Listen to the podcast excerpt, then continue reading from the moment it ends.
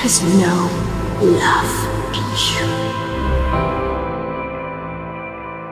What do you know of love? Nothing.